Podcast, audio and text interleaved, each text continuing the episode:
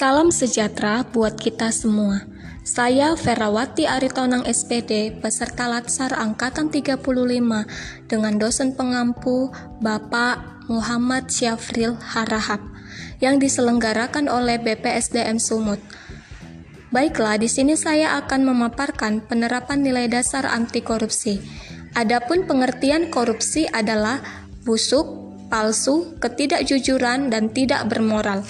Adapun jenis-jenis korupsi, kerugian keuangan negara, suap menyuap, penggelapan, pemerasan, perbuatan curang, benturan dalam kepentingan pengadaan, dan gratifikasi. Adapun ciri-ciri korupsi dilakukan lebih dari satu orang, berlindung di balik pembenaran hukum, mengkhianati kepercayaan, melanggar kaidah kejujuran, dan norma hukum. Menurut Badan Pengawas Keuangan dan Pembangunan Republik Indonesia, penyebab korupsi ada empat. Satu, aspek individu. Yang kedua, aspek organisasi.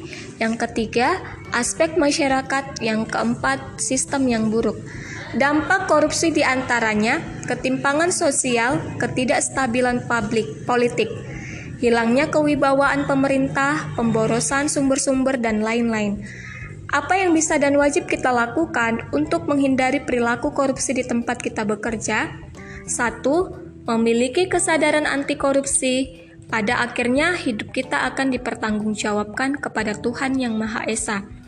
Yang kedua, menginternalisasikan nilai-nilai dasar anti korupsi seperti jujur, peduli, mandiri, disiplin, bertanggung jawab, kerja keras, sederhana, berani, dan adil.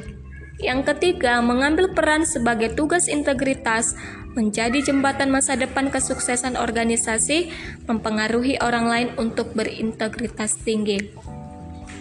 Jadilah kaum yang anti korupsi, supaya kita menjadi orang yang bersih dan bebas dari korupsi. Demikianlah podcast Nilai Dasar PNS Anti Korupsi yang bisa saya lakukan. Sekian dan terima kasih.